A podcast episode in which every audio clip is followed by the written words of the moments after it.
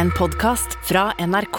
De nyeste episodene hører du først i appen NRK Radio. Det er natt til 5. august 1962. En hushjelp banker febrilsk på en låst soveromsdør. På den andre sida ligger verdens mest berømte kvinne livløs i senga. One of the most famous stars in Hollywood history is dead at 36. Marilyn Monroe was found dead in bed under circumstances that were in tragic contrast to her glamorous career as a comic talent. Og dette kunne blitt det siste vi hørte om den glamorøse superstjerna. Men sånn blei det ikke. But what really happened to Marilyn on that fateful night of August 4th, 1962? Did she mean to take her own life? For selv nå, 60 år etter, regnes hun fortsatt som et av verdens største ikoner. Men bak de røde leppene og det gåtefulle blikket skjuler det seg mye, mye mer. Du hører på Oppdatert. Jeg heter Gry Baby. Marilyn Monroe rakk bare å bli 36 år gammel, og likevel så klarte hun å ta en hel verden med storm. Og de fleste har sikkert sett bilder av henne, denne vakre kvinnen med platinablonde krøller og knallrøde lepper, kanskje spesielt på det ikoniske bildet der hun står i en slags hvit eh, svingkjole og må holde den nede mellom beina fordi at den blåser opp rundt henne. Tiril Solvang, du er journalist her i Oppdatert, og de siste dagene så har du ikke gjort stort annet enn å snakke om Marilyn Monroe i redaksjonen. Hvorfor det? Nei, det begynte plutselig bare å bli veldig mye snakk om henne overalt. Nå i august så er det 60 år siden hun døde. Og jeg begynte å se artikler om henne, og på Netflixen min så dukket det opp to nye filmer. Jeg så en sak om det kjente Andy Warhol-bildet i sterke farger, som ble solgt for rekordsummer på auksjon. Og så plutselig dukket jo Kim Kardashian opp og poserte rundt i Monroe sin gamle kjole. Og jeg har jo alltid visst hvem Marilyn Monroe var, men da jeg for alvor begynte å lese om livet hennes, så tenkte jeg bare wow, for en dame og så utrolig mye som gjemmer seg bak denne glamorøse fasaden. 1. juni 1926 så kom en liten jente til verden i Los Angeles i USA. Dette var jo da Marilyn Monroe, men hun het faktisk ikke dette. Hun ble født som Norma Jean Mortensen. Og lille Norma Jean hun havnet i et ganske så ustabilt hjem. Faren han var så å si ute av bildet, og moren var veldig fattig og hadde også diagnosen paranoid schizofreni. Norma Jean bodde likevel med moren frem til hun var tolv år, men da ble moren innlagt på psykiatrisk avdeling, og kunne jo da ikke ta vare på datteren sin lenger. Og i løpet av de neste fire åra så endra livssituasjonen hennes seg ofte. Norma Jean ble regna som foreldreløs og ble plassert hos både fosterfamilier og i barnehjem. Og det var jo ikke alle som behandla henne like bra der. Nei. Hun skal ha opplevd i hvert fall to seksuelle overgrep i ulike fosterhjem, og hun ble jo flyttet mye frem og tilbake. Og totalt så bodde hun hos over ti ulike fosterfamilier og på to ulike barnehjem. Så den ustabile starten hun hadde fått på livet, den så ikke ut til å slutte med det første. after the summer they'd had enough. so, um, or for whatever reason, and then I was taken to another place. So that's why there's so many. I know I went to six different grammar schools. You know, that's uh, that's before you're in the uh, seventh grade. Men selv om det var en vanskelig barndom, så fant Norma Jean trøst et helt spesielt sted. Ja, for for å komme seg unna det slitsomme livet hun hadde, så gikk Norma Jean mye på kino. Enten fordi at hun sjøl ville bort, eller så plasserte fosterforeldrene hun der fordi at de ville ha hun ut av huset. Så den lille jenten kunne sitte lange dager og kvelder i nesten tomme kinosaler som limt til det store lerretet. Hello? I must be going. I cannot stay. I came to say I must be going. Og det var her hun skjønte at skuespiller, det skulle hun bli. When I was a kid, sitting in the front row at the movies on Saturday afternoon, I would never come out of the movie. They'd have to come and get me, and I'd sit in the front row. And I'd think how wonderful it would be to be an actress. I'm going to marry Melanie. But you can't, not if you care for me. Oh, my dear, why must you make me say things that will hurt you? You don't know what marriage means. I know I love you and I want to be your wife. You don't love Melanie. I tillegg så viste hun veldig gode språklige evner på skolen òg. Hun var veldig aktiv i skoleavisen og tidlig opptatt av litteratur. Hun skal til og med ha lest den berømte forfatteren Dostojevskij allerede i tidlig ungdomsalder. Men livet inn og ut av ulike hus og hjem, det begynte hun å bli veldig lei av. Og ganske tidlig så bestemte Norma Jean seg for at hun ville ta grep om eget liv. Ja, allerede som 16-åring så giftet hun seg med en 21 år gammel fabrikkarbeider, og da ble det i hvert fall slutt på all flyttingen, og livet ble litt mer stabilt. Og dette var jo nå like under andre verdenskrig, og mannen hennes jobbet i marinen og var mye borte på reise. Og Norma Jean hun droppet da ut av skolen og begynte å jobbe på en krigsmateriellfabrikk. Mm. Og det var her, en dag mens hun var på jobb blant skruer og muttere, at livet hennes skulle ta en helt ny retning. Ja, for plutselig så dukket en fotograf opp på fabrikken. Han hadde fått i oppdrag å fotografere disse arbeiderkvinnene. og vise hvordan de motivert bidro i den store krigen. Så Norma Jean hun stilte seg opp, som mange flere, foran denne fotografen. Hun hadde stort, krøllete, mørkeblondt hår, grønn, stram skjorte, rød leppestift malt på et stort smil, mens hun da holdt en liten flypropell i hendene. Og da fotografen så den unge kvinnen foran kamera, så tok det ikke lang tid før han sa at du, du må begynne å jobbe som modell for meg. Og den muligheten grep 19 år gamle Norma Jean med begge hender. For hun skjønte at dette kunne være en vei inn mot hennes store drøm, nemlig å bli skuespiller. Så hun flyttet for seg sjøl og skilte seg etter hvert fra mannen sin, sa opp fabrikkjobben og satset alt på modellkarrieren. Og det gikk jo fort veldig bra med henne, Tiril. Ja, hun fikk fort kontrakt med et modellbyrå og prydet etter hvert en lang rekke ulike forsider som en lettkledd sånn pinup-modell, som det heter. Og ifølge sjefene så var hun en av de som jobbet aller hardest. Men det var jo skuespiller som var den virkelig store drømmen, og den drømmen skulle snart gå i oppfyllelse.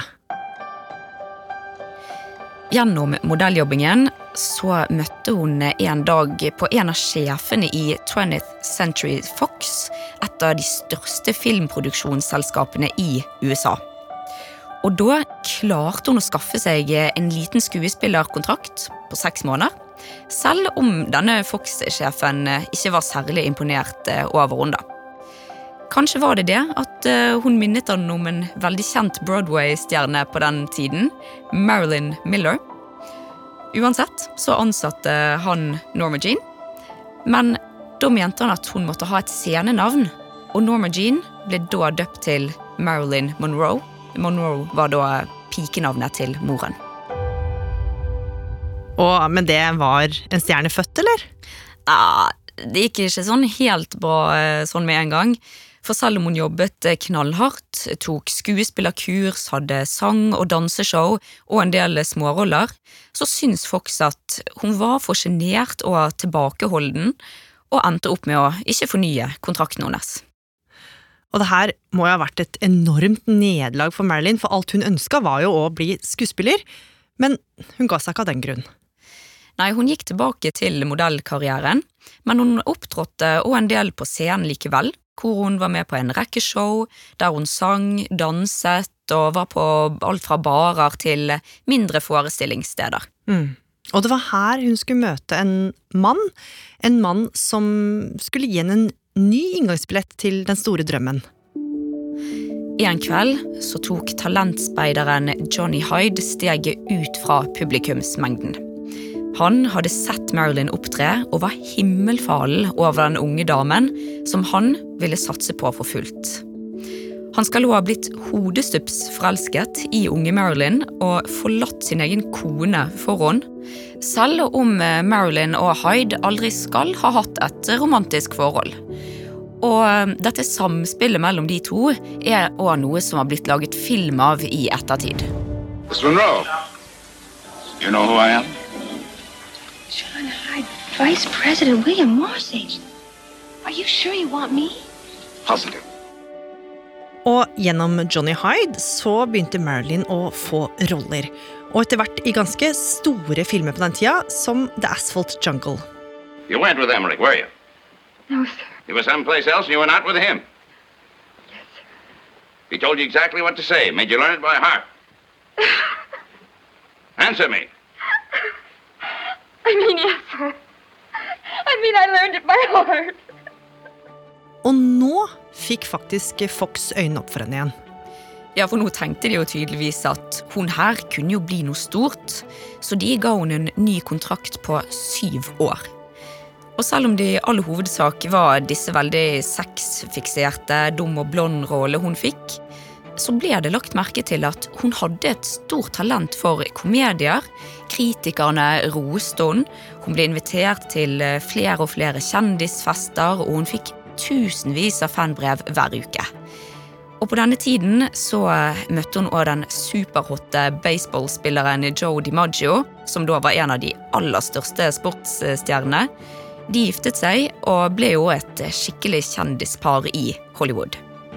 When a well-known honeymoon couple arrives at Tokyo airport, a throng of 4,000 baseball and movie fans surge out of control, break through police lines. Joe DiMaggio and his bride smile bravely at their greeters, but they don't dare move. Og Marilyn hun ble bare mer og mer populær. Folk var rett og slett ville etter henne. Og Tiril, du også oppdaga jo etter hvert at hun var jo mer enn bare dum og deilig. Ja, altså, jeg sjøl har jo alltid tenkt at hun var så kjent og populær fordi at ja, hun var veldig pen. Men nå som jeg har dykket litt ned i historien hennes, så har jeg også sett en del film av henne òg, og da ble jeg veldig overrasket. Fordi at det er noe mer med Marilyn Monroe.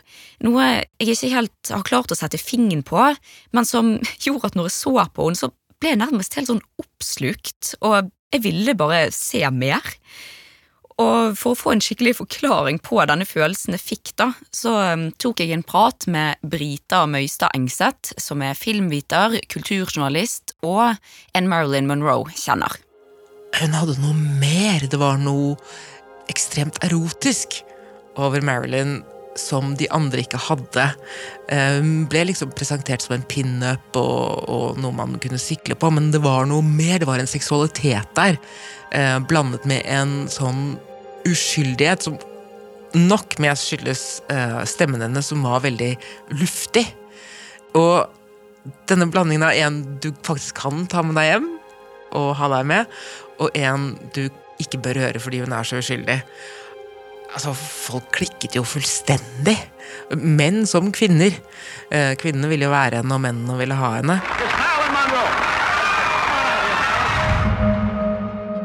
Og alle ville bare ha mer av Marilyn.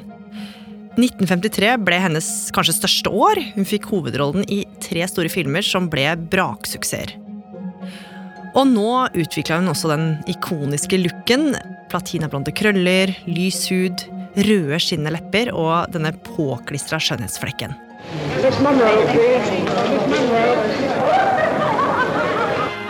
Marilyn agreed to face the cameras again. Once more, it became abundantly clear that her worldwide fame and popularity made her visit to Britain front page news.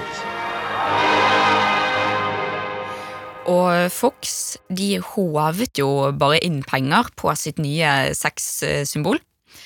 Og for å skape enda mer ståhei rundt henne, så bestemte de seg blant annet for å spille inn det som kanskje har blitt Marilyn sin mest kjente scene, nemlig denne The Subway Scene.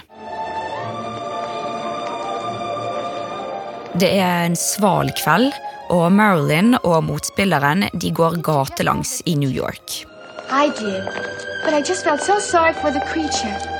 At the end. Hun har på seg en hvit kjole med åpen rygg og dyp utringning, og stopper over en T-banerist. Oh?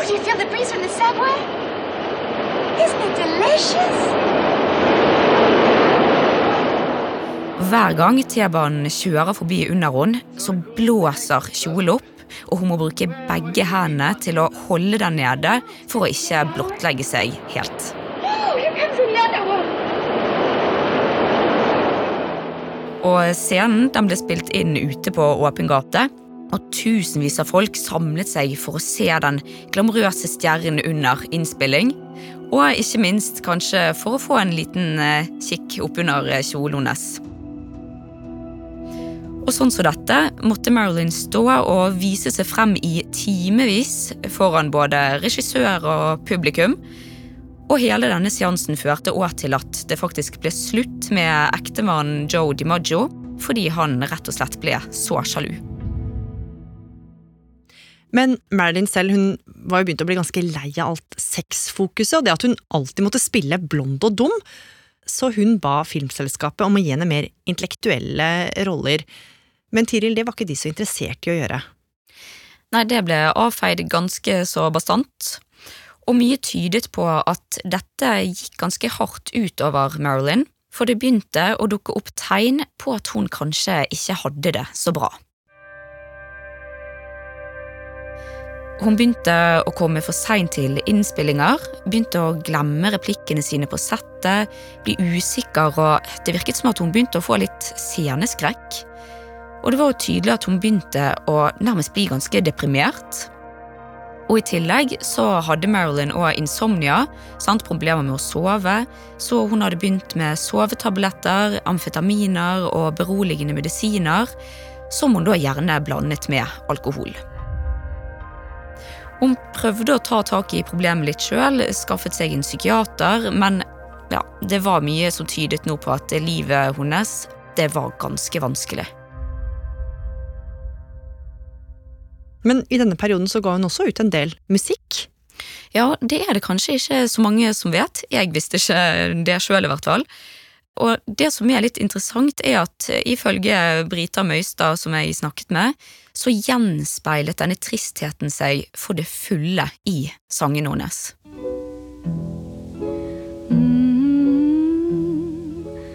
If you listen, you can hear it call. Hvis vi ser på balladene hennes, hvor det kanskje krever en annen innlevelse, så hun bare går rett inn i dem. Og man kjenner det, og da blir stemmen hennes også mørkere og dypere og mer husky. eh, Og det er mer følelse i den. Det er ikke bare noe hun skal produsere for underholdningens skyld, det er noe hun går inn i og føler. You'll never return to me.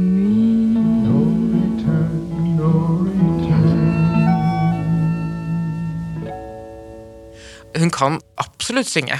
Og jeg vil anbefale folk å bare laste ned Marilyn og høre på showtunes og bli glad av det, men også bare kjenne på ja, denne blandingen av styrke og sårhet som ligger i stemmen hennes når hun må uh, fremføre låter som handler om noe, da.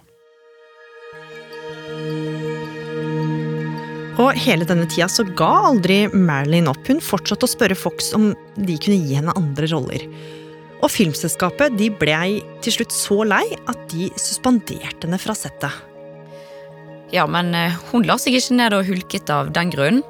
Hun startet rett og slett sitt eget filmproduksjonsselskap, Marilyn Monroe Productions, som var en ganske tøff ting å gjøre for en kvinne på denne tiden. Men dette ble jo da latterliggjort av både presse og andre i bransjen, som mente at en sånn dum og blond dame som hun ville jo aldri klare noe sånt. Men typisk for Marilyn så ga hun jo ikke opp av den grunn. Nei, og nå hadde hun òg møtt eh, forfatteren og dramatikeren eh, Arthur Miller, som var veldig kjent, en av de største intellektuelle figurene på den tiden. Og man kan jo tenke seg at folk kanskje begynte å tenke litt annerledes om Marilyn. Kanskje var hun ikke så dum likevel. Og eh, Med Arthur Miller ved sin side så fortsatte hun å jobbe med film, som hun da elsket. Og til slutt så måtte Fox komme krypende tilbake, for de hadde skjønt at folk de fikk rett og slett ikke nok av Marilyn. Nei, og nå skulle hun få det mer som hun ville. Marilyn, are you happy to come back and do this picture? Are you pleased with the bus picture bus stop? Oh yes, very much. I'm looking forward to working with Josh Logan. Hun fikk være mer med å bestemme sine egne filmer, roller og regissører, og produsere filmer for sitt eget selskap gjennom Fox. Og pressen de begynte nå å omtale henne som en hardbarket businesskvinne. Og hun vant da Golden Globe for beste kvinnelige skuespiller. Hun skal ha blitt gravid på denne tiden. Og hun skal blant annet ha sagt i et intervju at hun aldri hadde hatt det bedre. Men selv om Marilyn nå levde det livet hun alltid hadde drømt om, så var ikke alt så idyllisk under overflaten. Nei, hun skal ha hatt flere spontanaborter. Altså, hun hadde problemer med å få barn, og dette gikk veldig inn på henne. Og de beroligende medisinene blandet med alkohol, det ble jo en viktigere og viktigere trøst, og snart så havnet hun tilbake igjen i russporet. Under innspillingen av en av hennes kanskje største filmer, som Like It Hot, skulle dette virkelig komme til syne. Filmen ble utsatt flere ganger fordi Marilyn kom for seint, klarte ikke å fokusere, hun var fjern og deprimert. Og motspilleren hennes i denne filmen, Tony Curtis, skal ha sagt i et intervju at å kysse hun på settet, det var som å kysse Hitler. Selv om filmen likevel ble en braksuksess, da. Og under det som ble hennes siste film, The Misfits, så skal Marilyn ha vært så ute av seg og ruset på settet at hun av og til var bevisstløs da hun ble sminket før innspilling. Mm. Det ble òg slutt med Miller på denne tiden, og han fikk seg òg fort ny dame, så dette gjorde jo sikkert òg inntrykk på henne. Men selv om mye rakna for Marilyn på den tida her, så skulle en mektig familie snart innta livet hennes og sende det i nok en uventa retning. Ja, og det var den amerikanske presidenten. You, John Fitzgerald Kennedy, do solemnly swear I, John Fitzgerald Kennedy, do solemnly swear that you will faithfully execute the office of President of the United States that I will faithfully execute the office of President of the United States and will to the best Marilyn og John F. Kennedy de skal ha møtt hverandre kort et par ganger tidligere, men det var visstnok under én celeber middag i New York i 1962, kun et par måneder før Marilyn døde, at det virkelig slo gnister. Hvordan da? Det var under en fest med flere kjente personligheter til stede, annet eh, president Kennedy. Stemningen var god, folk snakket, skålte, men plutselig så ble det helt stille. En ny gjest hadde trådt inn i rommet, og det var Marilyn, kanskje litt eh, fashionably late, og folk de klarte visstnok ikke å ta øynene fra henne, og presidenten han var ikke noe unntak. Han skal ha snudd seg mot skjønnheten og etter hvert ropt med et stort, sjarmerende smil Endelig! Der er du jo! Så skal han ha tatt henne i armen og fulgt henne bort til bordet. Og alle ville visstnok være rundt Marilyn denne kvelden. Se på henne, lukte henne. Og presidenten skal ha bedt henne om telefonnummeret hennes mot slutten av kvelden, selv om han faktisk var gift. Så kanskje ikke så rart, nå spretter jo ryktene og sladderet seg som ild i tørt gress. For det her, det var jo superstjerne og blant de mest kjente folka på 50- og 60-tallet, Tiril. Ja, og det var ingen tvil om at de hadde en affære, men hvor stor han var, det er det få som vet. Faktisk finnes det bare ett eneste bilde av de to sammen, og med broren Robert Kennedy, som mange òg mente hadde et romantisk forhold med Marilyn. Og spekulasjonene og alt uh, halloiet rundt Marilyn, det bare balla på seg. Ja, og i hvert fall da Marilyn dukket opp på scenen under JFKs 45-årsdag.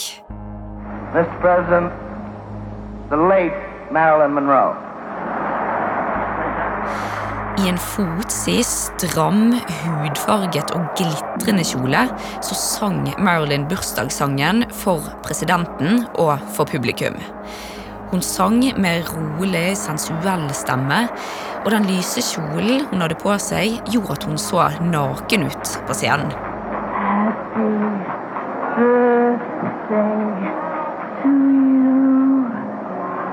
Happy birthday to you. Happy birthday, Mr. President.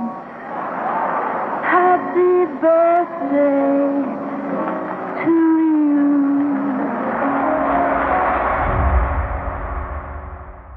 Og denne fremførelsen er jo noe folk fortsatt husker hun for i dag, men det kanskje ikke alle visste, var faktisk så ulykkelig hun var samtidig. Det er kanskje en av de vondeste opptredenene i, i moderne showhistorie, hvis vi skal kalle det politisk historie, også for den saks skyld. Og hun var møkksjuk uh, mens hun gjør dette. Uh, hun var full av alkohol, av piller. Hun visste knapt hva hun gjorde. Uh, hun hadde ingen idé om at det Dette egentlig var eksepsjonelt ydmykende for henne. For alle kunne jo se at hun står der, og hun er så rusa. Hun er så ute av det. Og nå begynte jo Marilyn for alvor å slite på filmsettet. Ja, nå var hun så deprimert, syk og ruset at hun ikke klarte å fullføre filmene sine. Og Fox endte opp med å saksøke henne for 750 000 dollar fordi at de tapte så mye penger på henne. Og Fox gikk også ut i media og snakket om så diva hun var på settet, og at ja, hun var helt mentalt forstyrret. Og ikke lenge etter så kom sjokkbeskjeden. One of the most famous stars in Hollywood history is dead at 36. Marilyn Monroe was found dead in bed. On the surface, she seemed to have such a zest for life. Her international appeal took her from command appearances to the other side of the world and entertainment for Korean GIs. She turned in performances that kept her among the greatest box office favorites in motion picture history. Natt til 5. august 1962 så ble Marilyn funnet død i sin egen seng, bare 36 år gammel. Hun skal fortsatt ha holdt et telefonrør i den ene hånden, med diverse pillebokser rundt seg. Marilyn hadde fått i seg så mye at hun aldri skulle våkne igjen. Folk kunne jo ikke tro at den berømte skjønnheten nå var borte, og flere begynte nå å stille spørsmål ved hvordan hun egentlig døde. Ja, det er fortsatt den dag i dag folk som tror at hun ble drept, at eh, kanskje Kennedy-familien hadde en finger med i spillet.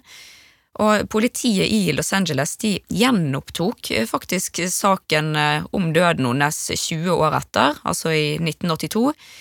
Men de landet jo da på at hun ikke ble drept, men døde av overdose. Og trolig var det selvmord fordi at mengden piller funnet i henne, det var altså så høyt. Tiril, det er jo ingen tvil om at livet hennes har satt spor, og fortsatt, 60 år etter at hun døde, så ser vi jo bilder av henne overalt. Ja, men hadde hun vært født noen tiår seinere, så hadde vi kanskje kjent henne som noe litt mer enn en blond dame med rød leppestift. Det mener i hvert fall Brita, som jeg snakket med. Når hun dør, så befinner Hollywood seg i en brytningsfase. Studiosystemet er i ferd med å kollapse. Det var hun for øvrig selv med på å sørge for. Og en endeløs rekke med uavhengige regissører, altså indie-filmer og produsenter, står klare. Og hvis hun hadde orket, hvis hun bare hadde orket å holde ut litt til, ville hun ha vært med på den revolusjonen, og vi ville ha sett en helt annen Marilyn. Og det, det, det, det er så smertefullt å tenke på. Hva hvis hun hadde bare holdt ut bare noen år til? så ville hun ha vært med på den rock'n'roll-revolusjonen, den feministiske revolusjonen, eh, den kunstneriske revolusjonen som bare sveipet gjennom Hollywood på slutten av 60-tallet og gjennom hele 70-tallet. Og det ville vært en helt annen Marilyn.